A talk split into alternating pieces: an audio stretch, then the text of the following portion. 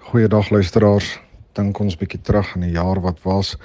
Is een van die goed wat ons sekerlik onthou, die pryse in die landbousektor, veral in die rooi vleisbedryf wat maar net nie na wense was nie. En wat ons almal bietjie mismoedig gehad het.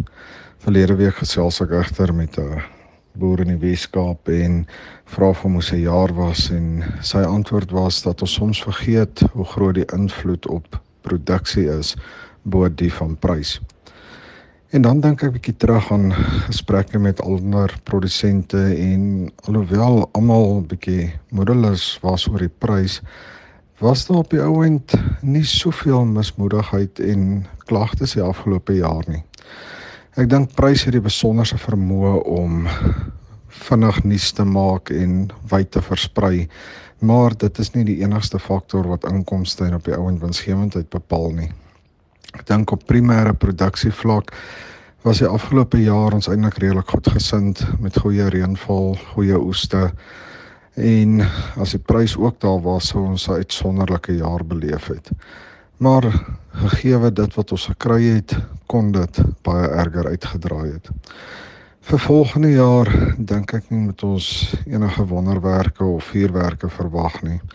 Die groot rede hoekom hierdie jaar sleg geloop het was as grootliks as gevolg van die ekonomie. Verbruikers wat net nie geld gehad het, die rentekoerse wat hoog is, die invloed van beerdkrag, um, hawens wat net nie ons uitvoerprodukte kon uitvat nie. En dit is alles faktore wat baie ver buite ons beheer op plaasvlak is. So ons moet hoop dat hierdie faktore in die volgende jaar verbeter dat rentekoerse gaan afkom, dat die ekonomie weer groei en die verbruiker meer geld in sy sak gaan hê om dan so die pryse op plaasvlak ook verder te kan opdruk.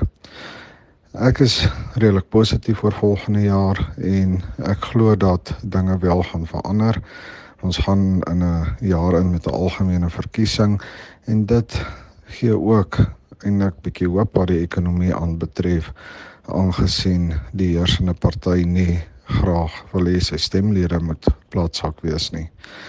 So kom ons kyk hoe die volgende jaar uitdraai, maar vir nou is dit my laaste bydrae vir 2023. Ek wil van elk van julle 'n geseënde Kersfees toewens en ek hoop regtig dat 2024 vir jou en jou gesin net voorspoedig sal wees. Mooi bly, totsiens.